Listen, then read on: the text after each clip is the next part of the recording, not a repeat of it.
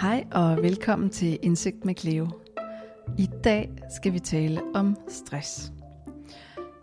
Og jeg synes, at det var et enormt relevant emne, både fordi, at vi alle sammen kender nogen, der har været gået ned med stress, eller fordi, at vi har oplevet en periode, hvor vi har følt os presset, stresset eller haft decideret stress.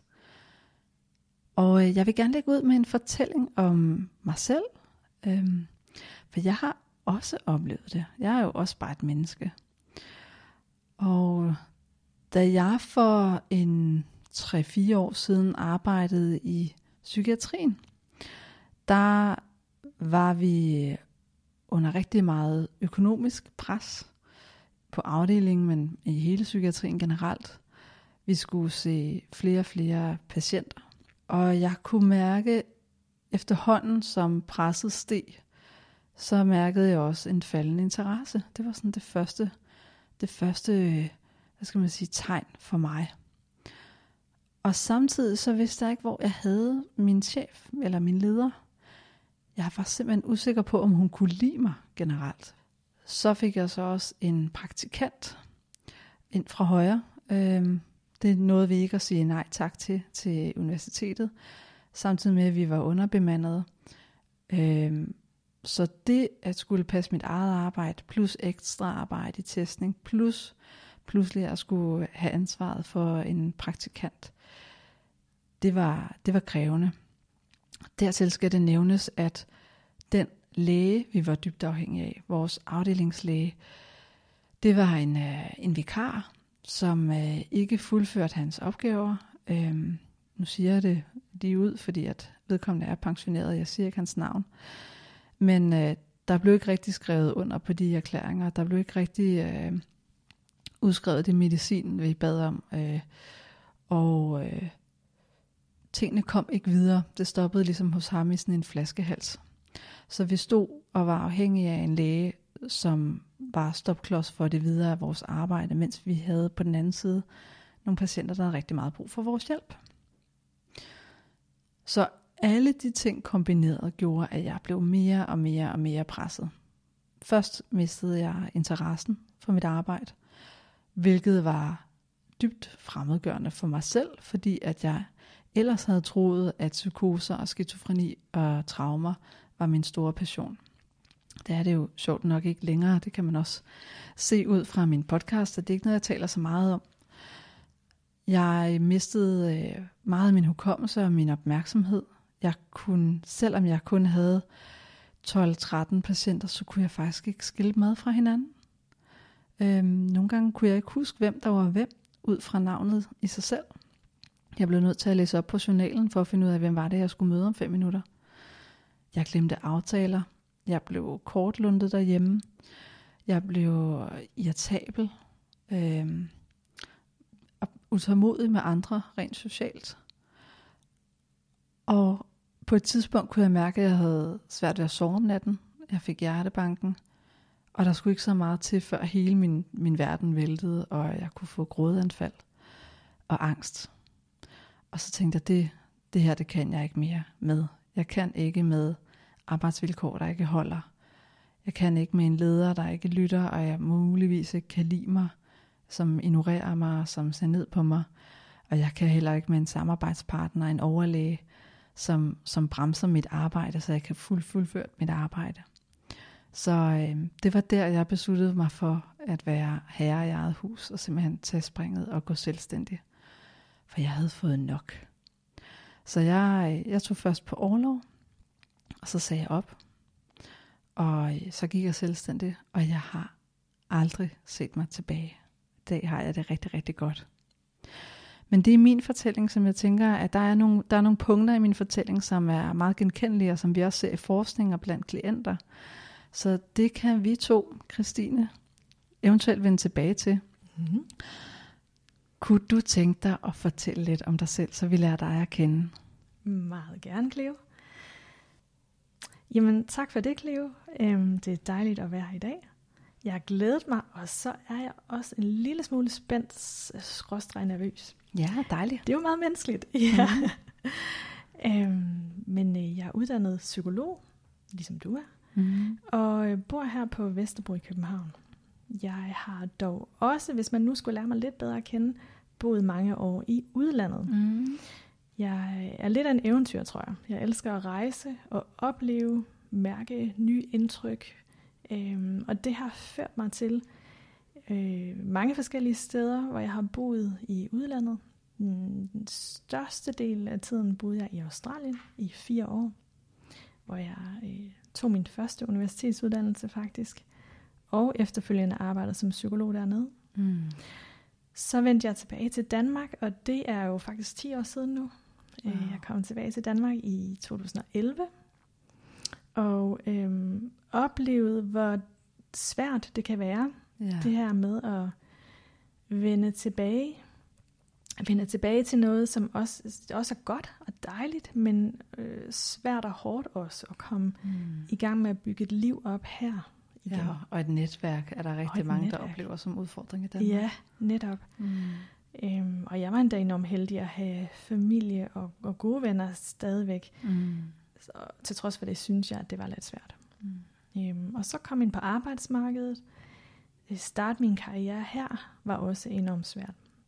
Og øh, da jeg endelig, og det skal måske også sige, så er jeg på besøg i, i de offentlige øh, systemerne der, fordi at øh, ja, der er problemer med, at, øh, at jeg simpelthen øh, ikke kan få de ydelser, man normalt kan få, fordi jeg har været for lang tid væk i udlandet. Så jeg møder sådan temmelig meget modstand. Mm. Øh, men, men ender med at må faktisk søge ind på universitetet igen, tage en ja. uddannelse igen – og fuldføre den. Så du skulle starte forfra på psykologi? Eller? Jeg kunne heldigvis få overført en del, men, men, men jeg måtte næsten starte forfra igen. Wow. Ja. Så du er en meget, meget klog psykolog. Det ved jeg ikke, om jeg er. Jeg har i hvert fald læst meget. Ja. ja. Og øhm, at være i det var også hårdt ja. belastende, at man nu skal til at tage en lang uddannelse på universitetet igen. Man har ikke den samme SU til rådighed. Og jeg var sådan fast besluttet på, at det her, nu skal jeg bare igennem det. Jeg ved, jeg gerne vil være psykolog. Jeg har arbejdet som psykolog i Australien, så jeg pressede ja. nok også mig selv temmelig meget. Ja, det gjorde jeg, set i baggrundsklogskabens lys. Ja, fordi at nu havde du din, din, din identitet som psykolog, mm. ikke? Jo, og jeg havde fået lov at prøve af i Australien at arbejde som psykolog, og, mm. og vidste bare, at det var det, jeg gerne ville. Mm. Øhm, men så jeg, så jeg gennemfører faktisk uddannelsen på Københavns Universitet på tre år, wow. inklusive kandidaten. Ja. Wow. Og kommer ud direkte i job, fordi jeg har allerede fået et job, inden jeg er færdig med specialet. Og det her første job, jeg lander i, øh, minder så utrolig meget til dels om noget af det, du beskriver faktisk, Cleo, mm. med din egen historie. Øh, og da du fortalte den her lige for lidt siden, der sad jeg sådan og nikkede utrolig mm. meget genkendende til meget af det. For jeg oplever at havne et sted, hvor der er øh, utrolig usundt arbejdsmiljø og en forholdsvis dårlig ledelse, hvor at øh, jeg bliver kastet ud i en masse opgaver, som jeg egentlig ikke er rustet til at stå i. onboarding eller oplæring? Ikke særlig meget i hvert fald. Og udover det, så støder jeg så på øh, voksenmobning. Jeg bliver faktisk Nej. mobbet af en, en kollega. Og det kom helt bag på mig, at det overhovedet var noget, der kunne finde sted. Ja. Jeg, jeg var sådan helt, helt kort off guard. Altså, ja, fordi det er så absurd også. Ja, fuldstændig. Ja. Fuldstændig. Og derfor øhm, tog det mig også forholdsvis lang tid, eller det ved jeg ikke, forholdsvis lang tid, men øhm, at forstå og opdage, at jeg faktisk havde udviklet stress. Ja. Vi blev ved med at, sådan at tænke, hvad i verden er det, der foregår her, og jeg begyndte mm. at udvise stresssymptomer. Og i samme øje med begyndte at tvivle utrolig meget på min egen dømmekraft. Ja, det er jo konsekvensen med mobning. Det er det nemlig, og ja. dårligt arbejdsmiljø, og ja. det ved jeg jo nu, ikke? Og jeg hører øhm, mange klienter med den samme historie. Mm. Jamen, jeg havde en mavefornemmelse, eller mm. jeg kunne godt se, at det ikke var rigtigt den her måde, de reagerede på min ledelse, eller jeg tog det, det og det op fra starten, det gjorde jeg også. Mm. Øhm, og det blev bare ikke lyttet til, det blev vendt imod mig. Oh. Og alligevel, til trods for, at man er et dannet menneske, og man, er, ja. man har nogle idéer om, at ah, det er hvis det ikke helt rigtigt, så ender man faktisk med at tvivle på sig selv. Ja. Og, ja. Og det er jo det, der er med psykisk dårlig arbejdsmiljø, og manglende ja. psykologisk tryghed på en arbejdsplads. Nemlig. At man begynder nemlig at vende en, hver, en sten for, hvad er det, jeg gør galt, siden ja. jeg fortjener det her. Mm. Ja. Og, og, og det her med igen, at det kan bare ramme os alle sammen. Mm. Jeg ser mig selv som, og så mig selv som en stærk kvinde, der bare gjorde af, mm. har boet næsten alle mine 20'er i udlandet, hvor jeg bare har taget afsted mm. med ingenting, startet op fra bunden. Ikke? Øhm, jeg tænkte, der skal meget til at vælge mig ja. i pinden. Ja, det samme med mig. Jeg har taget to uddannelser på én gang, ja. og fået barn, mens jeg læste psykologi og Hold op, ja. det hele. Og, og, og jeg tror også, det er en af grundene til, at jeg synes, det er så vigtigt at snakke om Cleo. Ikke? Mm. Det her med, jamen, prøv at høre, det handler ikke om, hvor, hvor, hvor stærk du er, eller robust, nu er jeg ikke så glad mm. for det ord. Nej. Øh, du er, men prøv at høre, det her det er noget, der kan ramme os alle sammen, mm. hvis vi er i, jeg skulle til at sige, de rette omstændigheder. Præcis. Mm. Og det skete så simpelthen for mig. Mm. Og øhm, det, det, det gik lige pludselig meget hurtigt, fra at jeg blev syg med stress, fik mm. fagforeningen indenover, fordi der var simpelthen noget her, der ikke var helt i orden. Og så øh, indgiver, at de kører den her fritstillelsesag, og jeg bliver øh, indgivet, øh, stopper på arbejdet. Og så går der 14 dage efter det, hvor jeg så faktisk vælger at tage til Nordspanien. Mm. Øhm, og jeg havde tjekket i forvejen med en sagsbehandler, jeg var koblet på, om det var nu okay. Og sådan, ja, jeg må jeg forkert. Må jeg nu? Hvad er reglerne? Og hun sagde bare, at hun synes, det var det mest fantastiske. Det skulle du gøre, Christine, sagde hun. Mm. Så det gjorde jeg, uden helt at vide, hvad det var, jeg tog ned til. Men jeg havde simpelthen besluttet, at øh, jeg vil ned og gå Camino Francais. Mm. Og det er en pilgrimsrute, som går langs øh, Nordspanien på 800 km. Ja. Den går fra den ene side af landet til den anden side nærmest. Mm. Øhm, og helt ærligt havde jeg ikke rigtig nogen idé om, hvad det øh, betød. jeg kan huske, at jeg stod i lufthavnen ude i Kastrup med mine øh, sådan vandresko og, og lignede et eller andet, der var løgn og tænkte, Christine, hvad fanden har du hvad det her gang ja. og så tog jeg afsted, og så endte det simpelthen at være noget af det mest livsændrende, ja. fantastiske, jeg har oplevet. Ja. At gå hver morgen og stå op, øh, vågne sammen med verden nærmest. Ja. Se solen stå op. Høre hanerne begynde at gale, når du begiver dig ud. Mm. Og så være omgivet af naturen. Det var simpelthen så helende en mm. proces for mig. Og så ikke skulle andet end bare gå og spise. Nemlig. Ja. Den der simplicitet. Ja. Jeg skal gå, spise, vaske det tøj, jeg har haft på, tage det andet sæt på, sove op næste dag, gøre det samme. Mm. Så der er jo meget forudsigelighed mm. i det. Og det ved vi jo så også i dag, når vi kigger på stress, at det er noget af det, der er rigtig godt, det er forudsigelighed ja. og simplicitet. Og det var der interessen, den faglige interesse, ja, som også den personlige interesse, for mit vedkommende begyndte i forhold til det her med, hov, hvad er det lige naturen kan? Mm. Hvad er det lige, det kan, det der med, at vi, vi går og bevæger os i naturen? For jeg oplevede i hvert fald personligt, at der var bare noget, som jeg næsten var helt ubeskriveligt terapeutisk mm. i det. Øhm. Du kan slippe på egoet og var til stede Fuldt som en del af naturen. Ja, det var mm. jeg. Og jeg følte mig netop, det er sjovt, du siger det, for jeg følte mig netop som en del af naturen. Jeg var mm. et med naturen, og det kan lyde sådan lidt hippieagtigt eller mærkeligt. Mm.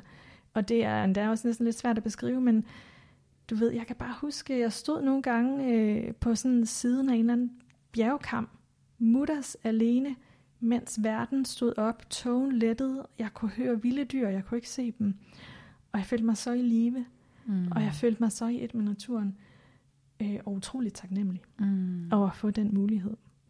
Øhm, og på den måde tror jeg faktisk, jeg fandt tilbage til mig selv igen. Ja, det tror jeg også. Ja. Det lyder som om det der opvågnende øjeblik, som ja. er så vigtigt for os alle at mærke en gang imellem. Ja, nemlig. Mm. Og så begyndte der en rejse derfra, ikke øhm, videre med at, at bygge mig selv op videre. Men, men det der, det var, det var en skældsættende, jeg skulle næsten sige platform, som jeg byggede videre på, og har bygget videre på mm. lige siden. Og som også gør, at jeg i dag interesserer mig meget for, hvad naturen kan ja. for vores velbefindende.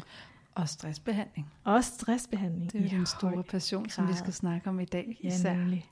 Jeg kan se, hvordan man kan kombinere de ting nemlig mm. på en rigtig, rigtig god måde. Mm. Og det er også en af ud, øh, grundene til, at jeg også har taget uddannelsen som naturterapeut. Mm. Og så ved jeg, at du interesserer dig for compassion-fokuseret ja, terapi, ikke? det gør jeg. Ganske kort, hvad er det for noget? Ganske kort. Jamen, det er øhm, Compassion Focused Therapy, og forkortet hedder det CFT. Det er simpelthen den her retning, eller øh, ja, retning inden for psykologien, som beskæftiger sig rigtig meget med, hvordan vi kan møde os selv på en rummende, forstående måde, altså med compassion, Mm. i stedet for den der hammer, vi tit er ret gode til at gokke ja, os selv i nøden med. ikke? Der kommer Ja. på besøg hele tiden. nemlig mm. selvkritikeren, den der hårde tone over for Mm. os selv. Øhm, og, og jeg oplevede selv, og har også oplevet i, i mit arbejde med klienter, hvor mange, der virkelig hopper på den der selvkritiske vogn. Ja. Og jeg har også oplevet i mit arbejde som psykolog, at nogle gange det der med, at vi arbejder med nogle psykologiske teorier og metoder, at du skal ændre dine tanker sådan og sådan, Mm. fordi de er ikke øh, gode for dig. Sådan klassisk Ja, CBT. Der er dårlige og gode tanker. øhm, og så er der bare nogen, der siger, "Men det kan jeg da godt se, jeg kan da godt se, at den her øh, tanke, den ikke nø- nødvendigvis er sand. For eksempel, Mm. mm. jeg, jeg er et dårligt menneske, eller mm. der er Mm. ingen, der kan lide mig. Men jeg mærker noget andet. mm. Og der øh, synes jeg, at compassion, fokuseret terapi, kan byde ind med, ja, vi skal, vi skal, vi skal have det med, Ja, præcis. og vi skal lære at møde os selv med den der compassion, fordi hold fast, var der noget, mm. der så lige pludselig kan mm, ændres ind ved roden. Ikke? Mm. Altså, og at, at det ikke bare bliver på et hovedplan, men også hele kroppen, hele mig, følelserne på en eller anden måde, som Ja. vi kan få arbejdet med, fordi det hele hænger jo sammen. Ja, når vi udvikler evnen til at vise os selv venlighed og mærke, hvordan det føles, så skaber vi jo også evnen til at pege den ud af mod andre. Helt sikkert. Med far for at lyde hippieagtig igen. Ja. Ja. Og så er der jo ikke noget, der hedder gode tanker eller dårlige tanker. Mhm. Det er jo egentlig bare koncepter. Men Helt vi kan forholde os til, hvad for nogle tanker er mest anvendelige for os lige nu og her. Ja, Mm. og helt, det, det er så rigtig, Cleo, det der også øhm, vigtigt at sige, at CFT, på at høre, der er seriøs forskning bag den, Ja. den øh, tilgang. Ikke? Så det er nemlig ikke bare et eller andet hippie, hippie halløj, vi Nej. har fundet på, øh, mens vi sidder her rundt om bålet og synger Kumbaya, vel? Nej, altså, præcis. der er hardcore forskning bag, Mm. og det er det, jeg elsker ved det. Mm. Øhm, man kigger meget på evolutionspsykologien og øh, også øh, neuropsykologi, ikke? Ja. Øhm, blandt andet. Og så som du selv siger, det her med, at det er ikke kun compassion fra os selv til andre, det er også fra os selv til os selv. Mm. Og så også den modsatte, fra andre til os. Ja, Den er der mange, der har svært ved, nemlig. Ja. Så, øhm, så det er også noget, jeg, jeg interesserer mig utrolig meget med, og, Mm. øh, eller for, og er øh, begyndt også på en specialistuddannelse inden for det. Mm. Mm. Det giver god mening. Det Ja. går jo hånd i hånd med min ACT-uddannelse. Det er rigtigt. Fordi ja. der er man også omsorgsfuld og mild med sig selv og Mhm. arbejder med mindfulness og sådan noget. Ja. Men nu synes jeg, at vi skal videre til det, øh, som de sidder og venter på, at vi skal tale om i dag, Ja. som er stress. Og hvorfor er det egentlig, vi har valgt at tale om stress? Hvorfor er det relevant at tage op? Ja, men det er sådan et godt spørgsmål. Det, det, fordi øh, alle efterhånden har jo stødt på det ord, ikke? Mm. Og der er måske også nogen, der er ved at tænke, ah, nu har vi vist hørt for meget om Ja. det. Nu ved vi godt, hvad det er. Nu ved vi godt, hvad det er, ja. nemlig. Øhm, men det er bare så vigtigt, fordi mere end noget andet tidspunkt i ja, menneskets historie, han Mm. har sagt, øhm, har vi psykologisk mistrivsel. Ja. Og det skyldes altså vores psykologiske eller vores psykiske velbefindende eller mangel deraf. Mm. Man ser jo på verdensplan, at, øhm, at, at det her med vores psykologiske trivsel, velbefindende, i højere grad og i stigende grad simpelthen er det, der medfører sygdom. Ja. Og det er jo spændende, jeg ved ikke, om det er det rigtige ord, Cleo, men at, at vi... Interessant. Interessant, Mm. ja. At, at, at uh, lige pludselig står vi et sted i historien, hvor det ikke er fysiske sygdomme, Nej. øh, syfilis, pesten, Mm. øh, HIV, AIDS, øh, der medfører den største lidelse. Øh, men det er psykiske, mm. psykiske sygdomme, psykiske lidelser. Og det der tal, det stiger bare stødt. Mm. Og det gør det også her i Danmark. Allerede fra jeg var det 2017 eller sådan noget, steg det fra omkring, øh, den danske befolkning bare øh, omkring 16 procent af os øh, havde stress der, der medførte sygdom, altså at vi simpelthen ender med at være væk fra arbejdet, eller ikke magter for eksempel livet generelt, vores familie, alle de her ting. Og Så 16 procent er det dem, der ender med at blive sygemeldt. Øhm, ja, ja, som ender med, øh, i hvert fald det tal, jeg så på, Mm. lige inden vi, jeg gik herind også for lige Mm. at tjekke op på det. der ender med at være sygemeldte af det. Ikke? Mm. Så det er jo det, der er jo sikkert måske et, et grås, en gråzone for, at der er flere, end der, der oplever stress inde på kroppen, men måske ikke er sygemeldte. Mm. Og allerede til øh, 2020 var det steget til 24 procent. Det er godt nok vildt. Prøv at forestille ja. dig en afdeling på, på 12 mennesker, så er det tre, Det er det. der lige er, er sygemeldt. Ja, det er det. Mm. Og, øh, og kan vide, hvordan tallene ser ud efter et år med corona. Ikke? Yes. Ja. Ja, nu ved jeg ikke, hvad du har oplevet, men jeg har oplevet en, en stigning, især på grund af isolation, Mm. og at man ikke netop kan lave alt det, der fylder ens energidepot op, og at tingene bliver så usikre ja, på et eksistentielt plan også. helt sikkert. Mm. Ja. Så, så jeg synes, det er et emne, der er vigtigt at tale om. Det er simpelthen nødvendigt, fordi Ja. det er en samfundsmæssig ramme lige nu, der også desværre fordrer, Mm. at vi oplever at blive mere og mere stresset. Præcis. Ja. Christine, hvordan ser vi øh, symptomer hos øh, klienter? Hvordan, hvad er det, hvad, hvordan kan vi se de første tegn på stress? Mm. Det er et rigtig godt spørgsmål. Øhm, der er en lang række symptomer, som gør sig gældende for folk, der oplever stress. Og det er vigtigt at påpege, at det kan se forskelligt ud fra person til person. Mm. Så nu, nu nævner jeg lige nogle symptomer, Ja. og så kan det være, at du kan genkende dig, der lytter med, nogle af dem, øhm, og så kan det være andre, du ikke oplever. Mm. Men i hvert fald så ved vi, at der er en god portion fysiske symptomer, som jeg kommer til at opleve, når jeg øh, oplever stress, hjertebanken, Mm. øget puls, jeg begynder måske at svede mere, øh, jeg mærker en restløshed og en uro. Generelt så er der i hvert fald bare noget, der sådan indikerer, okay, der er på en eller anden måde noget, der ikke helt er, som det skal være. Mm. Kognitivt, altså det vil sige op i hjernen mentalt, så oplever vi øh, til at begynde med et skærpet fokus og opmærksomhed. Ja, Ikke? Sådan dyb, dyb koncentration og fokus. og seks timer i træk. Og seks timer i streg. Ja, i streg, ja. Øhm, og, og, og, øh, og det er jo i virkeligheden gode symptomer. Mm. Stress er jo vigtigt. Stress er vigtigt, fordi det hjælper os til at præstere, agere, og øh, i bund og grund sørge for, at vi ikke ender med at blive kørt over på Vesterbrogade. Ikke? Vi hører en høj bil, yt, og så skynder vi os at træde tilbage. Ja. Vi når lige at komme i kontakt med alle de her stresssymptomer. Så stress er jo øh, i hvert fald definitionsmæssigt ikke en sygdom, men en tilstand. Mm. Det er noget, vi oplever.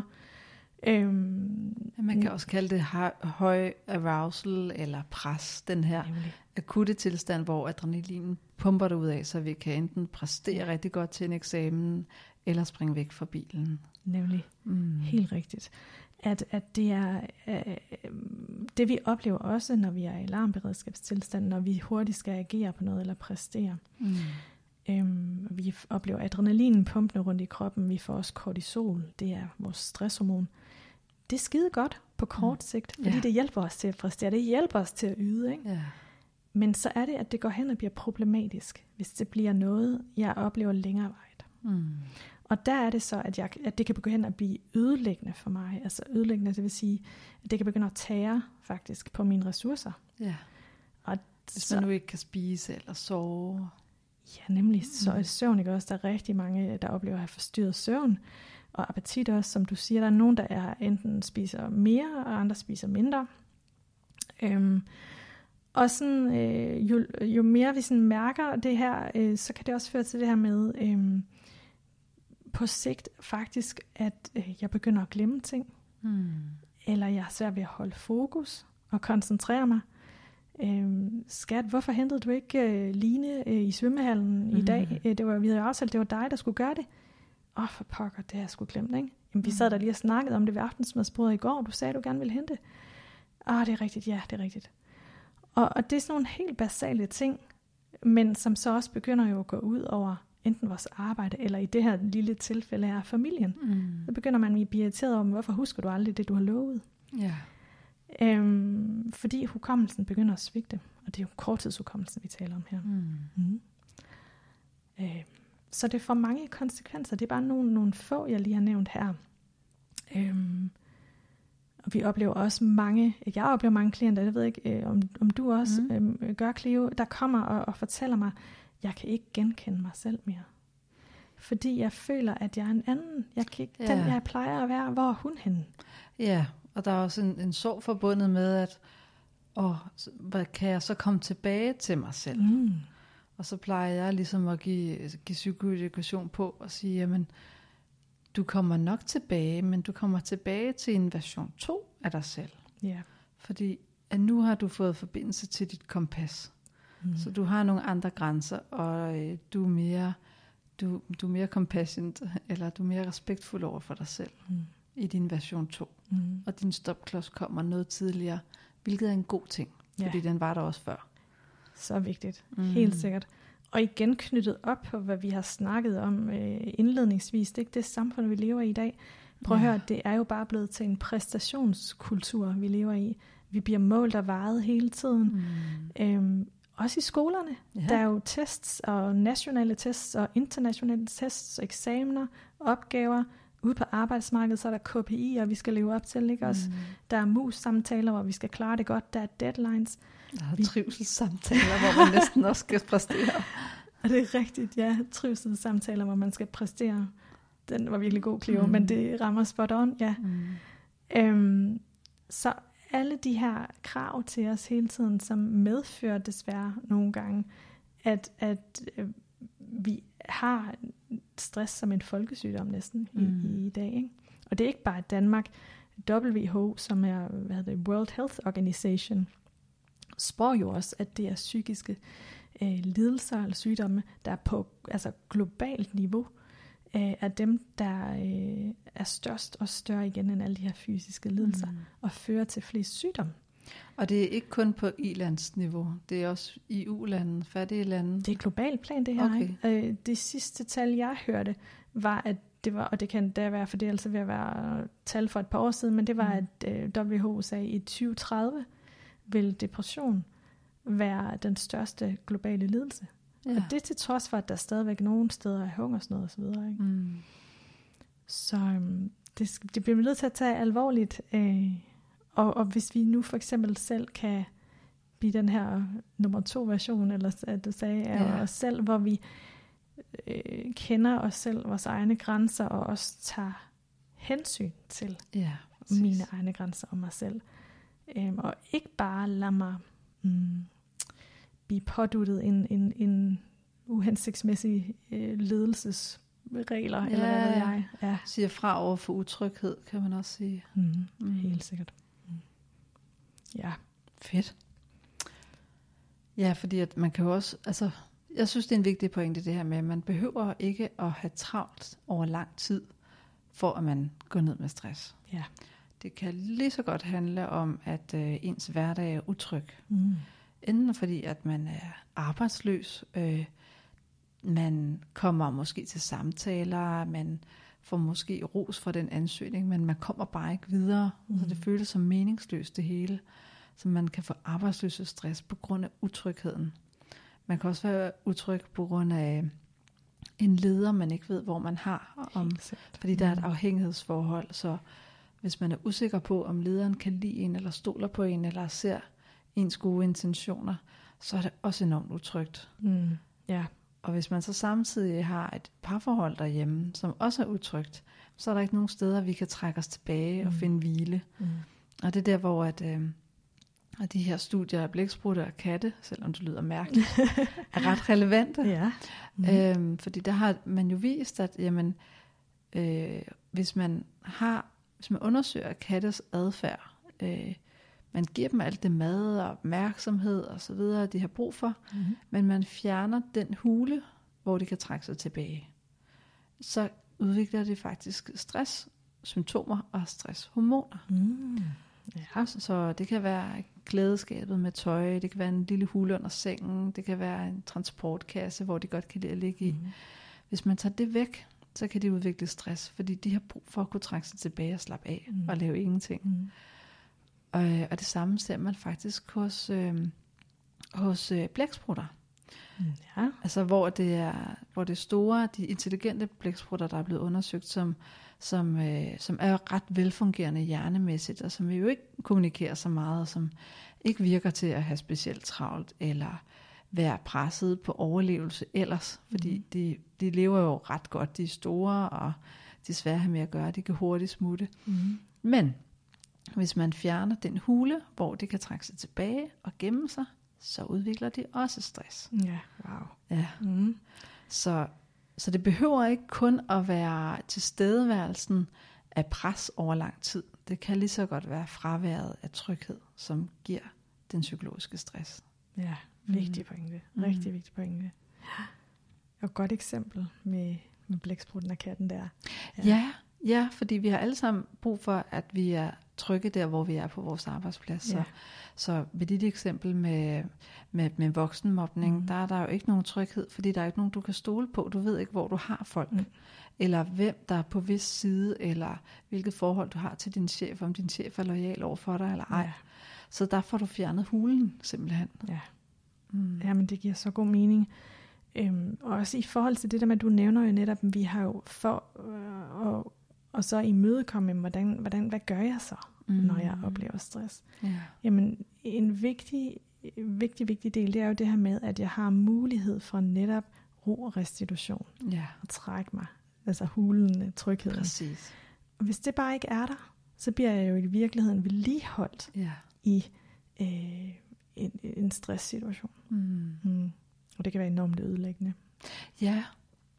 Jeg, jeg bruger tit sådan en model med, med kogeplader for klienter. Ikke? Mm. Altså forestille sig, at vores, vores hverdag er opbygget omkring fire, maks fem kogeplader. De fleste har fire kogeplader. Mm. Der er en kogeplade for arbejde, der er en kogeplade for venner og familie, så er der en kogeplade for vores parforhold, og så er der en kogeplade for eventuelle hobbyer, vi måtte have uden for arbejde og venner, familie og kæreste. Mm-hmm. Og hvis de kogeplader alle sammen står på den øverste, om det så er 6, 9 eller 12, hvis de alle sammen står og knaller der ud af på den øverste, så har vi ikke arme nok til at rund, røre rundt i alle gryder. Mm, yeah. Og så er der mindst to områder, der brænder på. Mm. Og det er også sådan, det er med stress og vores liv. Yeah. At jamen, øh, er vi presset på arbejde, og øh, har børnene en, en meget udfordrende periode, så går det også ud over vores parforhold, så begynder det at brænde på. Mm. Og vi kan ikke passe vores hobby, som ellers vil, vil fylde os op med energi. Øh, så det er også derfor, at når jeg arbejder med klienter med stress, så kigger vi meget på, okay, det er fint, du har det sådan her, lad nu være med at påtage dig alt ansvaret. Hvad har du, du kan skrue ned for? Ja. Yeah høj grad, ja. Mm. Fordi det er jo det er tit, at det for eksempel er arbejdspladsen, hvor vi egentlig reelt set har en mulighed for at skrue ned. Mm. Altså hvor vi kan deltidssygemelde os, eller gå på overlov, eller gøre noget andet. Hvor det er lidt sværere med, med at skrue ned for parforholdet, eller skrue ja. ned for børnene. Dem kan ja. man jo ikke bare lige smutte fra. Mm. Øhm, så der, der plejer jeg også at være tydelig omkring, jamen du kan ikke, du kan ikke forvente, at din stresstilstand ændres, hvis ikke dine ydre omstændigheder også ja. ændres. Nemlig, det kigger jeg også rigtig meget på. Det her med at få øje på, hvad er der mm. af vedligeholdende faktorer for min stress. Ja. Og hvis det er nogle specifikke arbejdsopgaver, okay, lad os lige så få øh, kigget på, hvordan kan vi så få løst det. Ja. Hvis det er et usundt arbejdsmiljø, okay, kan vi løse det? Eller hedder det sig, at jeg netop må flytte mig fra det? Mm. Øh, jeg plejer også tit at snakke med klienter om, at der altid er tre muligheder ja. i forhold til øh, stress. Og det er, at øh, jamen, kan jeg ændre det? Mm. Altså gøre noget? Kan jeg være med det? Altså blive med det? Blive bedre til at blive med det? Ja, en Eller, accept. Ja, en helt sikkert accept der også. Ikke? Ja. Mm. Eller skal jeg flytte mig fra det? Mm. Og jeg havde en meget, øh, en meget god supervisor engang, en psykolog, og han sagde altid til mig, husk nu Christine, husk nu, at til de her folk, der oplever øh, stress, at du kan ikke meditere dig for et dårligt arbejdsmiljø. Nej, præcis. Ja. For så kan vi jo sidde her og meditere fra, herfra til månen, ikke? Mm. Øh, men, men, men jeg bliver vedligeholdt måske på, på en, en arbejdsplads med et dårligt arbejdsmiljø, mm. og så kommer jeg ikke ud af min stress. Nej. Og den, den har jeg altid med i baghovedet, det er rigtigt. Vi kan ikke meditere os fra et dårligt arbejdsmiljø. Eller nu er det lige meditation, han, han, mm. han brugte, ikke? Øhm, det kan være andre ting også. Øhm. Og det er derfor, at det er så provokerende, når nogen på en arbejdsplads siger, nu skal du passe på dig selv. Mm. Ja. Fordi det betyder, at der er ikke andre, der passer på dig. Du skal passe på dig selv. Du skal sørge for, at det går godt derhjemme, at du får mediteret, at du får sovet, du skal passe på dig selv. Ja. Og derved så kan vi frasige os et hver ansvar som ja. ledere for kulturen på arbejdspladsen og opgaverne på arbejdspladsen. Yes. Når det er virkeligheden, når alt kommer til alt, er det jo i virkeligheden lederen og organisationen og, og politikken, som også har et ansvar. Yes, i høj grad. Og det der, det er så spot on, Cleo. Mm. Og ja, men så sent som sidste uge havde jeg en, en, en ny klient, som kommer ind og fortæller nøjagtigt det der. Ikke? Mm. Og det hører jeg altså desværre ret tit. Ja.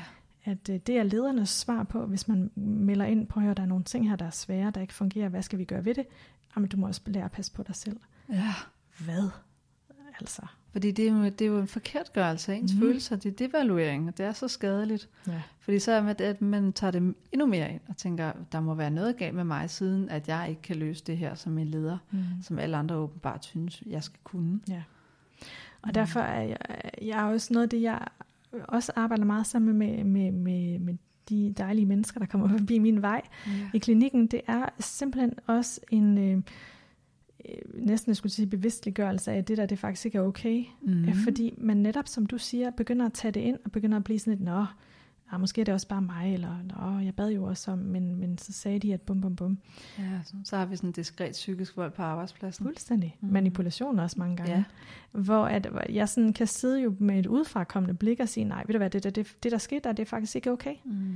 Og det er en leders ansvar, og, og øh, det får de også lederløn for, ja. at, at klare det her. Øhm, så det oplever jeg at rigtig mange siger, at det er en kæmpe lettelse bare at høre ja. det. Mm. Ja, og, og, og høre, at man godt må gå tilbage til lederen og sige, de her arbejdsopgaver, kan vi lægge dem lidt om, hvis jeg skal nedprioritere nogen, og hvis der er nogle opgaver, der skal gå videre, hvem skal så have dem? Nemlig. Altså væk fra ens egne skuldre, fordi ja. Ofte så er det en, en optimistisk planlægning, som giver stress. Ja. Og det er lederens opgave, mm. blandt andet, at organisere arbejdsopgaver til sine medarbejdere. Helt rigtigt. Og, og egentlig også øh, en af de der faktorer, der jo også spiller ind på, hvordan, hvordan kommer jeg mig så? Mm-hmm. Hvis jeg nu for eksempel er ramt af stress, ikke? Ja. Jamen, vi ved, at en af de ting, som har enorm stor indflydelse, øh, det er fra forskningen, vi ved, at det, ja, nu siger jeg indflydelse, men det er netop, at jeg selv har indflydelse, og at jeg har en vis form for kontrol. Yes. Så, så hvis jeg siger for eksempel, det her, de her arbejdsopgaver, det fungerer altså ikke, mm. og det så ikke bliver lyttet til, yeah så står vi der med en stor følelse af afmagt. Og også fordi, at der skal jo meget til, for at vi når så langt, at vi har modet til at sige det. Ja. Det, øh, altså, jeg har ikke oplevet nogen endnu, som bare siger det, fordi de er dogne. Nej. øhm, og, og, og, det, og det ved vi netop øh, fra mm. forskningsside, som jeg, som, som jeg lige nævnte, at det har en kæmpe indflydelse på, igen om vi bliver faktisk vedligeholdt i mm. at have stress, eller om vi oplever en lettelse. Ja. Så helt konkret er det noget af det, man også kan arbejde med, som jeg også tit kigger på sammen med mm. øh, klienterne, og som de så tager videre med til deres leder. Øhm, nogle gange siger jeg også, prøv at se, om du kan tage en snak med din leder om det her, eller HR afdelingen, som også nogle gange er inde over, hvis man er syg med stress. Mm. Øhm, det er ikke altid, at de er så gode der, men så tager vi den sammen og finder ud af, okay, men hvordan kan vi så chunke det her down? Altså, hvordan kan ja. vi få lavet nogle arbejdsopgaver, som er overskuelige for dig, og som er nogen, du kan få afsluttet? Ja. Øh, det er nemlig også en af, en af de gode, vigtige øh, redskaber, man kan kigge på, når man har når man er gået ned med stress, at man skal helst have de her arbejdsopgaver, som ikke er alt for afhængige af andre, mm. fordi jeg skal kunne afslutte dem. Sæt ja. det her, du ved, famøse man har hak. ejerskab og kan følge det til dørs. Ja. Og det er jo derfor, at, at når ting ikke kommer videre på den anden side fra en overlæge, ikke? og man mm. så skal kunne kigge patienten i øjnene og sige, ja. arbejdet desværre ikke gjort, du kan ikke få en, øh, en servicehund, som det er lige nu, fordi ja. at mangler en underskrift fra overlægen, og jeg ved ikke, hvad han laver. Ja, men ved du hvad, Cleo, det der, og det der, det taler så meget ind i igen med øh, det samfundsmæssige plan, ikke? Ja. Fordi jeg sad også lige og, og, og læste lidt op på nogle ting herinde, vi mødtes, og jeg blev mindet om det her med, hvordan vi i Danmark jo er gået fra et industrisamfund til mm. et videnssamfund i dag. Mm. Og i virkeligheden var vi jo før industrisamfundet et bundesamfund. Ja. Altså så øh, nogle, et samfund, der er bygget op på, at vi bruger vores krop meget, mm. hvor at nu bruger vi vores hoved meget. Ja. Og, og de her forfattere, de snakker så om, hvordan jamen, når vi også er et videnssamfund, så er det også hæftet utrolig meget på personlighed. Mm. Jamen, øh, jeg tager det her, det her arbejde, fordi jeg også øh, er meget god til at vise empati som sygeplejerske. Ja. Eller øh, det her med at kommunikere som lærer, og samtidig med at også udvise empati der. Og hvor går grænsen så mellem, øh, netop som du siger, det her med, når der så er en læge, der bare fraskriver sig et eller andet, og så står jeg over for et levende menneske, der Ja. har et problem. Eller jeg som lærer oplever, at der konstant er uro mellem drengene i 3. klasse nede i skolegården, og jeg skal forsøge at løse det med kommunikation og empati og alt muligt. Altså, og, og hvis jeg så bare får at vide, at det er der ikke ressourcer til, Mm. Jamen, jeg kan jo se, der er øh, tre drenge her, der så øh, kommer til at lide af det. Og det, Ja. det kan jeg ikke have på mig. Eller, eller nogle, øh, nogle helt andre fag, som ikke er så sundhedsfaglige. Det kan Mhm. være sådan noget som håndværker og projekt, øh, projektledere, som står på den ene side. Så er der en masse mennesker, som slås om at sætte prisen ned, og så er der materialer, der ikke kommer til tiden. Mm. Og så er der et dagsbudget, der hele tiden stiger og stiger og Ja. stiger. Plus at man er, pludselig er man ansvarlig for at skylde flere millioner kroner på et forsinket projekt. Ja. Samtidig med, at, at håndværkerne, medarbejderne, de er ved at gå ned med stress, fordi de knokler i døgndrift. Mm. Ja, det er også et godt eksempel. At det, Mm. det har jeg slet ikke lige stiftet bekendtskab med, men det er da rigtigt, at det, det over en bred kamp, at vi kan opleve det her, ikke? Ja. Og hvor, hvor Især når der er en stor kæde af samarbejdspartnere. Ja. Ikke? Jo, man er afhængig af. Ja. Ja. Så det, det, det synes jeg bare var lidt spændende, fordi det i så høj grad også, det ser jeg i hvert fald også i klinikken Cleo, og det ved jeg ikke, om Mm. du også skal genkende, at øh, mange af de mennesker, jeg møder, oplever også virkelig at være ramt, fordi de også bliver ramt på deres identitet. ja. Ikke? Yes, der er stolthed også. Ja, Mm. helt sikkert. Og, og når jeg ikke kan være den her lærer, som også Ja. kan være empatisk og hjælpe de her drenge fra 3. klasse, jamen hvem er jeg så? Ja. Er jeg så overhovedet en god lærer? Ikke? Jeg, jeg fortjener jeg så at have et godt liv, hvis jeg ikke har noget at stå op til at leve for. Ja. Ikke? Og så, så er vi lige så stille på vejen af depression, men der, der kører vi ikke hen i dag. Som er en følgesygdom, eller kan Mm. være en følgesygdom, ikke også stress. Ja. Mm. Yes. Så det er jo derfor, det er så vigtigt, at vi tager det her op, tænker jeg. Vi får, får kigget på det, for mm, måske også, øh, jeg skulle næsten til at sige almengjort, Ja. hvad, hvad det her stress er for noget. Fordi jeg tror, og oplever i hvert fald også, at der er mange, der øh, tænker også der, at det kunne ikke ske for mig. Mm. Eller også mange, der oplever måske at have stresssymptomer, men så afviser det. Ja. Fordi, ej, jeg burde også kunne klare, eller hvad nu det for noget? Og så er det først, når de er væltet, ja. At de så, altså, og slet ikke kan få tingene at hænge Når sammen de har derhjemme, fået ikke? hjerneblødning, eller blodproppen, eller Ja, kronisk hovedpine. er røget ud over skrænten simpelthen, at så, Mm. så, øh, så okay, måske skal jeg have noget hjælp. Men hvad nu, hvis mm, man kunne gøre det lidt tidligere? Ja. Og, og det tænker jeg bliver det evige problem, fordi at jeg ser en stor lighed mellem manglende sygdomsindsigt og stress. Mm. Fordi vi netop vender os mere og mere og mere til hvad hedder det, vandet, der begynder at koge. Ikke? Ja, Altså vores krop vender os til det høje tempo, vi vender os til de dårlige vilkår, vi vender os til mobningen, og vi holder ud, og vi holder ud, og vi holder ud, indtil vi knækker. men det er, jamen, det er helt rigtigt. Det er det gode billede med den her frø, Mm. der koges i vandet. Ikke? Ja. Altså at, øhm, at hvis du for eksempel tager en frø og sætter den, jeg ved godt, det måske lyder lidt uetisk, men øh, jeg håber, I følger med i forhold til ja. Metaforen i det, og tager en frø og propper den i, øh, i en gryde med kogende vand, så vil den hoppe op igen med det Ja. samme. Men hvis du lader en, ko- en frø øh, være i koldt vand, som stille og roligt bliver kogt op, Mm. så bliver frøen i vandet, fordi den gradvist vender sig til det. Og så til sidst, jamen, så dør den jo, ikke? Fordi ja. Den Den bliver kogt. den bliver kogt. ja. Og det, men det er jo et rigtig godt billede, Cleo, mm. På, tænker jeg, igen, hvad der foregår på sådan en helt øh, institutionel eller samfundsmæssig øh, et niveau. En, Ja. Den ramme, vi faktisk er under øh, os alle sammen lige nu. Vi vender os jo til stresshormoner, mm. det er det nye normale. Ja, Mm. det er det nye normale. Hold da op, var. Mm. Det er en ret powerful sætning, og øh, ærgerlig sætning, men øh, Ja, men jeg synes, jeg synes, jeg ser det mere og mere, men, men til gengæld så har det også den bivirkning med, det er min holdning, mm. At der er også, en, der er også et paradigmeskifte og et, en dogme er ved at være slut. Vi er trætte af at skulle knokle os selv øhm, Mm. mm. røven i laser. Der er også rigtig mange, der er om, det, det behøver jeg faktisk ikke. Jeg kan Ja. godt arbejde remotely på en lækker tropeø i stedet for. ja. Mm. Mm. Øhm, fordi jeg har faktisk ikke lyst til det der stress og Mm. pres. og der er også en, en større og større spirituel opvågning. Mm. Mere og mere interesse for at kigge ind af og lægge telefonen og meditere osv. Mm. Jeg tror simpelthen, det er en konsekvens af det også. Mm. Helt sikkert, det tror du ret i. Mm. Og øh, ja, det er spændende, du siger, det er sådan både den her spirituelle opvågning og også naturen igen, hvor der ja. er flere og flere, der jo også bruger naturen. Ikke? Mm. Fordi vi finder de der ting der, og, og har den her ja, opvågning, opvågning ja. øh, som, som er sund og god at have. Ja, vi lægger det travle ego væk. Ja. Mm. Øhm, ja. Jeg tænker også, det er relevant at tale om, at mange, der bliver sygemeldt med stress, de synes, det er rigtig svært at finde ud af, hvad de skal lave i løbet af en dag. Mm. Og de er meget bange for, at naboen for eksempel ser dem ordne haven, eller ja. et eller andet. Ikke? Ja. Fordi de er bange for, at de tror, at man skal ligne, at man har influenza, og man skal helst ligge på sofaen, så andre kan se, at man stadig er syg. Ja. Så der er rigtig meget behov for at få bekræftet, at sådan, jamen, jeg har det stadigvæk ikke godt, mm. men i dag har jeg en god dag. Ja. Uh. Øhm, og desværre oplever jeg også, at den frygt, de har for andres fordomme, findes. Mm. At det her med, jamen, jamen du ser jo mm. så frisk og glad ud, ja. så må du vel være rask. Ja.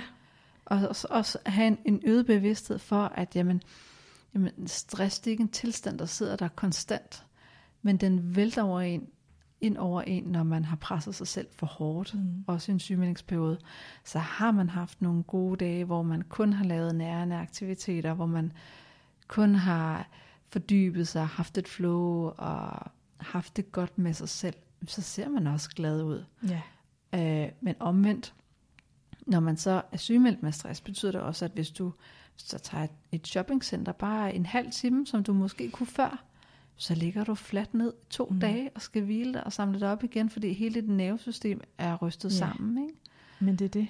Vi ved jo ikke, hvad der foregår bag lukkede døre. Men det kan godt være, at du har set uh, Bente ude i haven, mm. uh, fordi det er bare rigtig godt til hendes stress, at hun er Præcis. derude. Men så ser du ikke, at hun tager øh, konsekvensen af det, ved absolut ikke at have nogen aftaler dagen efter. Vel? Ja. Og, Eller omvendt, at det er hendes stressbehandling, fordi hun kommer ned i fingrene. Ikke? Mm. Det er hendes healing. Ja. Så, så det, det, det er det, der skal til, for hun bliver rask. Det er ja. ikke at ligge og sove hele dagen, Nej. tværtimod. Netop det her med nærende aktiviteter, som mm. du jo siger her, hvor vigtige de er for mm. os. Ikke? Jeg plejer nogle gange også øh, sammen med klienter, så tegner jeg sådan en kæmpe batteri på, min, ja. på mit whiteboard. Øhm, og så kigger vi på det her med, at det er helt simpelt, næsten matematisk regning. Ikke? Mm. Hvad kommer ind på det der batteri? Og hvad rører ud af batteriet. Mm.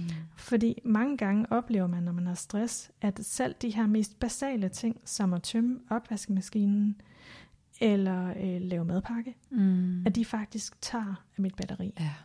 Og så skal vi den underlige være kreative i forhold til, hvis vi, der kan vi jo hurtigt se, så ryger vi altså meget hurtigt i bund i det her batteri. Ja. Så hvis jeg skal til at have bygget det op, og have bygget mig selv op for at kan komme mig igen, mm huha, så, er der altså, så, så, så skal der noget på, på plussiden. Mm. Og når jeg siger plus, så er det ikke fordi, det nødvendigvis skal betegnes som positivt, men til det, der giver til mit batteri. Ikke? Ja. Der skal noget plus på det her batteri, og det skal buffers op. Og hvis det er at være i haven, mm. øhm, eller at sidde ude i solskin, øh, solskinnet på en café. Øh, eller gøre rent. Det kan sådan set også være noget aktivt. Ja, ja, i høj grad. Mm. Øhm, så er det jo det, der skal til. Mm. Men ja, så kan man nogle gange blive udsat for, at der er andre, der øh, ser det og, ja. og tænker deres. Øh, særligt også fordi det her med, med, med psykisk lidelse eller sygdom, det er jo en usynlig øh, mm. øh, tilstand, en usynlig Præcis. sygdom. Ikke? Vi har ikke den her arm i en eller anden gips, hvor mm. man kan se det tydeligt, og så om seks uger, så er det færdigt. Og det er også det, der kan være så svært. Og det er også derfor, jeg synes, at vores afsnit i dag er rigtig vigtigt, både til pårørende og ledere også. Mm. Fordi øh, noget andet, jeg ser som, som en vedligeholdende faktor, for man har svært ved at komme ud af stressen, det er, øh, når ledere ringer op uden forudgående aftale, og yeah. uden noget klart agenda, og faktisk forstyrrer medarbejderen i deres stressperiode. Mm. Ja, helt sikkert. Fordi man går i forvejen og har dårlig samvittighed over, kan jeg nu tillade mig at være sygemeldt, selvom mm. jeg har det rigtig dårligt. Ikke? Mm. Og så skulle stå til ansvar og sige, hvor, om man nu har det godt, og om man nu er klar til at komme tilbage. Ja. Det, det er noget, som, som stresssygemeldte kan gå og frygte en hel uge op til. Mm. Fordi de ved ikke rigtig, hvad lederen vil med det. Mm. Mm. Ja, det er en god pointe. Og det der med også igen, jeg er også klar over, at, at det sætter også nogle krav til ledere, Ja. fordi vi, vi har ikke den her øhm, stringente plan for, sådan fra A til B bliver du Nej. rask. Præcis. Fordi vi reagerer forskelligt, ikke? Ja. Og, og, og øh, det er jo også derfor, at man kan have nogle overordnede øh, guide, guide, hvad hedder det, råd, Mm. linjer, retningslinjer for, hvad man kan gøre som stressramt. Mm. Men det er meget vigtigt også at kigge på den individuelle. Mm. Øhm, og så kan jeg skis med godt forstå, at nogle gange som leder, at så kan man Ja. synes, det er svært ikke, fordi person A bliver stresset af det, der driver person B. Mm. Øh, eksempelvis, hvis vi har en stor øh, øh, omstrukturering på arbejdet med masser af ændringer, det betyder nye arbejdsopgaver, det betyder også ny struktur. Mm. Øhm, jamen, altså person A, som vi kan kalde Lars, han tænker bare, yes, det er ja. fedt det her, mand. Woo, det, det, det, det er et kæmpe drive for mig. Ja. Jeg synes, det er mega spændende. Og så har vi person B, det kan være Bent. Han tænker bare, åh oh, nej, Der er hele min rammer, hverdag. der er ja, ikke nogen struktur. roller, struktur, proceduren er rutiner røget ud af vinduet. Ja, og han har svært ved at Mm. være i det. Ikke? Ja. Og det er jo det samme, der sker. Så det er jo det her med, at, at vi reagerer forskelligt på, på ting, alt efter også, hvad for et bagland vi har. Mm. Også alt efter, jamen det, det er jo måske, fordi Bent han, han oplevede, at hans, hans kone døde for et år siden, og så for tre år siden, der mistede han sin gode hund eller et hus, mm. eller et eller andet. Det her med, at alle de øh, på en eller anden måde faktorer, belastningsfaktorer, vi oplever i livet, hvor mange af dem ligger op til, at vi øh, oplever at have stress, eller at det lige var den her omstrukturering for arbejdet, som så på en eller anden måde fik læsset til at vælte. Ikke? Ja. Øhm, hvor det kan være, at, at personen A her, Lars, jamen, han, har, han har sgu egentlig haft nogle fine år. De sidste fem år, der har ikke været så meget uro i, i båden der, vel? Mm. Nå, men så kunne han godt lige klare sådan en omgang. Ja. Ja, Mm. måske gav det ham mere mod på at fortsætte, Mm. fordi at nu kom der et frisk pust. Ja.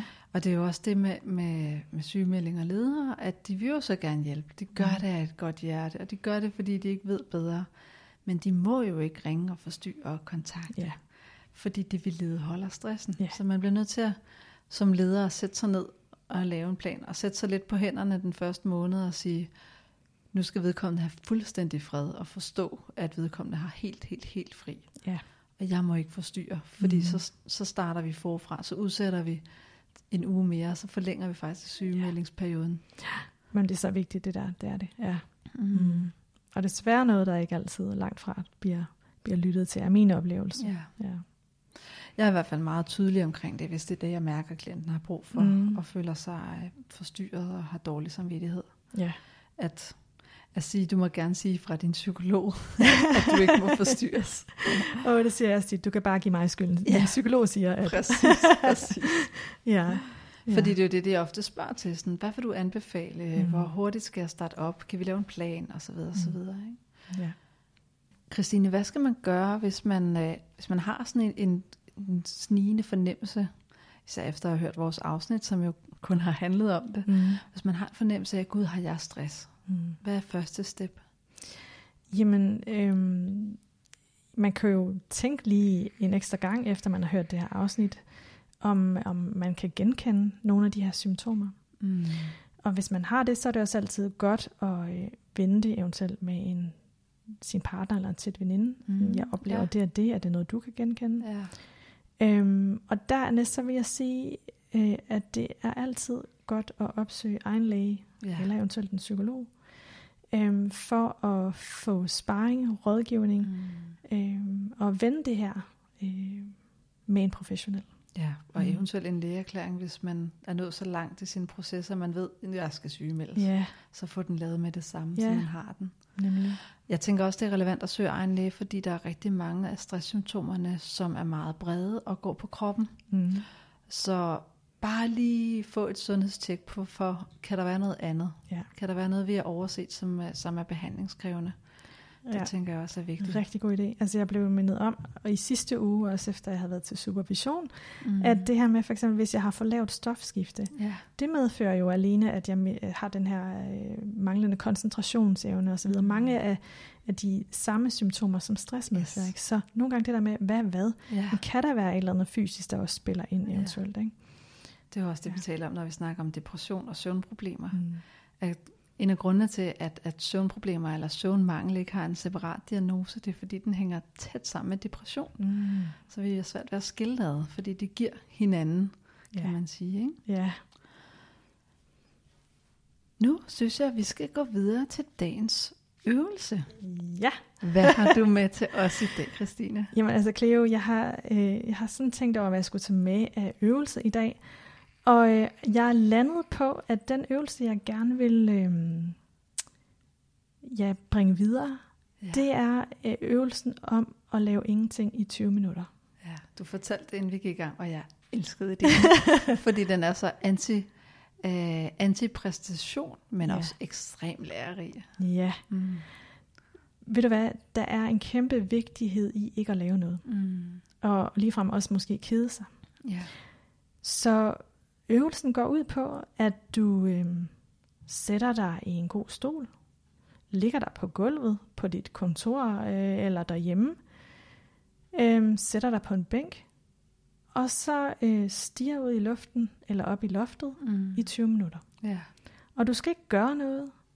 Du skal ikke være noget bestemt. Du skal bare ligge og dagdrømme, mm. hvis det er det, du vil. Kede dig, hvis det er det, du vil. Stige ud af vinduet, hvis det er det, du vil. Uden noget formål. Ja, kig på mennesker på bænken, hvis Nemlig. det er nemmere. Mm. Ja. Og jeg elsker den her øvelse. Øhm, bruger den også selv jævnligt. Jeg blev mindet om for nyligt, hov, den skal du lige til øve lidt igen, Christine. Ja. øhm, og jeg oplever nogle gange, når jeg tager den op sammen med klienter, at der er nogen, der bliver enormt provokeret af det. Ja. Jamen, jeg kan jo ikke bare lave ingenting, det er jo spild af tid. Eller, det vil stresshjernen sige. Det er nemlig det. Der er mange, der bliver helt presset over det. Ikke? Mm. Og mange, der faktisk heller ikke rigtig kan det. Mm. De kan ikke mm. finde roen til at gøre det. Så hvis du oplever at have svært ved den her øvelse, yeah. så, så prøv at tænke lidt over, hvordan kan det være? Yeah. Hvad, er, hvad kan man, man ligge bag det?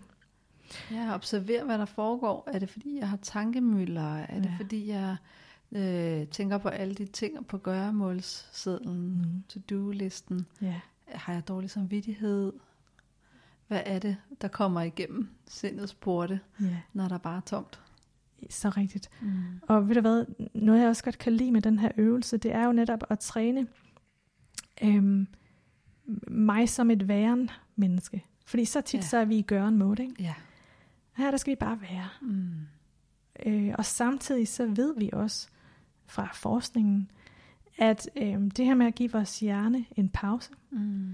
det er bare stjernegodt. Ja. Særligt, når, som vi også har været inde på i det her afsnit, særligt når vi lever i, i ja. den tid, vi gør i dag, hvor vi kræver så meget af vores hjerne og vores opmærksomhed. Så bare at lade den ligesom øh, ikke være på arbejde. Mm. Det er lidt ligesom at sætte vaskemaskinen i gang på tom program, og så vasker den sig selv. Yeah, yeah. Og det samme gør vi faktisk med hjernen her, når vi mm. tillader os at, at kede os, eller dagdrømme, eller bare stiger ud af vinduet. Ja, den får lige ro til at rense affaldsstofferne ud, kan man sige. Ja. Yeah. Jeg lægger også meget vægt på, husk de her overgange, vi har fra det mm. ene til det andet. Ikke? Mm. Der er mange, der spørger mig, åh, er det ikke træls at skulle køre helt fra Helsingør til København på, over, på arbejde? Mm. Jeg synes faktisk, det er en velsignelse, fordi yeah. det er, hvor jeg i bilen planlægger min dag, og øh, samtidig også er i 100% flow med trafikken. Ja. Der er ikke andet, jeg skal lave. Der er ikke noget, der er vigtigere, ja. end at orientere mig der, hvor jeg er. Og når jeg så kommer hjem, jamen så, så lander jeg lige det, der er sket. Men jeg er også kun fokuseret på det, der er omkring mig. Ikke? Fordi ja. ellers så går det ud over min sikkerhed. Ja. Og det gælder også på arbejde. Sørg for lige at tage fem minutter, hvor man sidder og stener lidt, mm. når man er ved at pakke sammen. Ja. Lad være med at have så travlt. Ja. Det er sådan et godt opmærksomhedspunkt, det der. Mm. Netop overgangen mm. og nærvær i nuet. Ja. Den der køretur og bruge det som et åndehul. Ja, præcis. Ja. præcis. Mm. Ja. Hvad vil du gerne anbefale til lytterne i dag?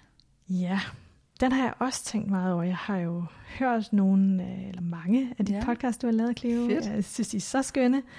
Og, øh, og folk anbefaler rigtig mange gode ting. Mm. Og så tænker jeg, nah, men, øh, jeg kunne egentlig godt tænke mig at anbefale noget skønlitteratur. Ja. Fordi jeg elsker at læse. Ja.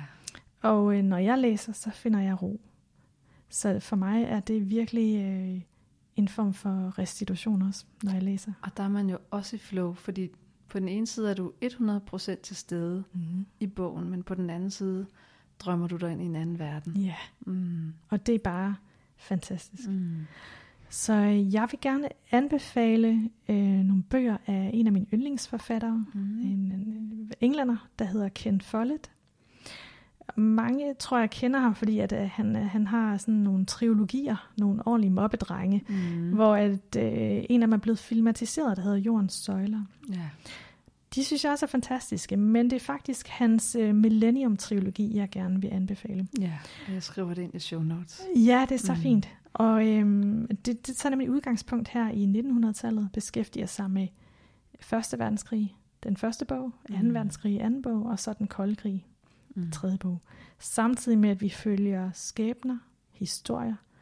Han beskriver også rigtig meget kvinder og kvindesynet, Ja, kvinders rettigheder til dels. wow. Ja, og det synes jeg er hammerspændende. Ja, og forfriskende, når det kommer fra en mandlig forfatter. Mm. Mm. Han har en ret sej kone, som er øh, lektor på en af de store universiteter derovre, mener jeg, har lavet forskning, og som også er en rødstrømpe og sådan noget, og Mm. øh, hun er ret sej. Jeg tror, der, der er måske også lidt der. men, øh, men jeg elsker det. Jeg, jeg elsker, hvordan han beskriver de vilkår, der er, mm. hvis du er, er kvinde under Første Verdenskrig, øh, i, i et land, hvor du er blandt den fattigste i befolkningen. Ja. Øh, ja, og det gør han bare så godt, altså. Og så skal jeg huske at sige, at hvis man vil have flere boganbefalinger, så kan man høre mit afsnit om skønlitteraturens terapeutiske effekt, Mm. som øh, jeg tror, det er afsnit 30 eller sådan noget. Men gå ned og find det, hvis du vil have flere boganbefalinger til, hvad du skal lave under din skønne, frie sygemeldingsperiode, hvis du er i den situation. Uh, det lyder godt. Det skal jeg da også lige have kigget på. ja. mm. Hvad gør du for at nære dig selv? Vi Mm. har også den her nærende aktivitetsliste, og den rammer jo spot on på dagens emne, fordi det er jo det, man skal finde ud af, når man skal komme sig oven på stress. Ja, det gør den. Det er rigtig Cleo. Øhm, jamen, personligt og fagligt øhm, er noget af det, som er på min nærende liste, er øh, gåture i naturen. Ja. Ja. Prøv at høre, vi ved også fra forskningens side, at jeg, jeg ved godt, jeg, at nu siger, jeg- siger jeg, okay, forskning dit og forskning dat, men, men det er bare så vigtigt også for at Yes. yes. understrege, det her det er ikke noget, vi læser i damebladet, du ved. Der er jo Og- forskning nu, nej undskyld, jeg bliver bare så begejstret. Ja, Ja, Fordi der er forskning nu, der, der jo viser os, at bare det at være ude i naturen, Mm. Nedsænker vores øh, kortisolniveau, altså Ja. det her stresshormon, som vi har rasende rundt i kroppen på os, når vi oplever stress. Mm. Du skal bare være ude i naturen. Ja, man har også set der fra forskning i, at folks øh, antal dage, de ligger indlagt på hospitaler, Ja. bliver mindre, hvis de får buketter ind. Altså, ja, Så også natur i små doser har en effekt. Der er noget om det. der er noget om det, og der er også et forsøg, der viser, at folk, der havde hospitalsenge med vinduer ud mod naturen, Ah, kom sig meget hurtigere Ja. efter en fysisk operation for, for jeg tror det var galleblæren eller et eller andet, mm. versus de patienter, der havde udsigt til P-pladsen. Ja, Og det var markant, altså et signifikant øh, resultat. det giver god mening, fordi det er helende at Ja. være i kontakt med og se på. Ja, ja så nærende aktivitet herfra, det er simpelthen ude i naturen. Mm. Og du behøver ikke at- at skal, skal skulle noget. Nej. Du kan sætte dig op af et træ, Mm. og bare lige nyde det der. Du kan også gå en tur. Du kan lægge mærke til, særligt nu, øhm, hvad der ja. blomstrer frem. Farverne, lydene. Og Øhm, duftene, fordi de ændrer duftene. sig også. Hvis ja. man lægger mærke til det, så ændrer duftene Mm. sig. ja. Ved du nogle gange så ville jeg ønske, at jeg kunne optage dufte Mm. på, på video, fordi ej, Ja. at cykle rundt, også i København i de her dage, mm. altså i Mm. byen, ikke? Hvor ting springer ud, og så kører man lige forbi et eller andet, og bare sådan, ej, det duftede godt. Mm. Det synes jeg er fantastisk. Ja. Og ved du hvad, Danmark kan noget. Nu nævnte jeg, at jeg var mm. i, i Spanien og gå den her lange vandretur, og det var jo helt fantastisk. Naturen var helt fantastisk. Men Danmarks natur er også helt fantastisk. Ja. Bare tag ud til, du behøver, og du behøver ikke engang tage så langt væk. Tag ud til Lyngby Åmose, ikke? Det er mm. altså også fantastisk, hvad der sker derude af ting og sager i naturen. Øhm, nu er jeg født og opvokset i Jylland, og mine forældre bor tæt på Molsbjerge Nationalpark. Ja, Der er vi også rigtig tit over at gå ture, og jeg elsker det. ja, det er så smukt. Ja, det er det. Christine, mega, mega, mega mange tak, fordi du kom. Som det aller, aller sidste, Mm. hvad kunne du tænke dig at sige til lytteren derude, som lige nu har stress? Jeg kunne godt tænke mig at sige, at øhm, du er ikke alene, Nej. og der er håb. Mm. Der er håb for, at det her ikke er noget kronisk, og der er faktisk noget, der kan gøres ved det. Ja. Mm. Tak fordi du kom. Tusind tak, fordi I måtte være her.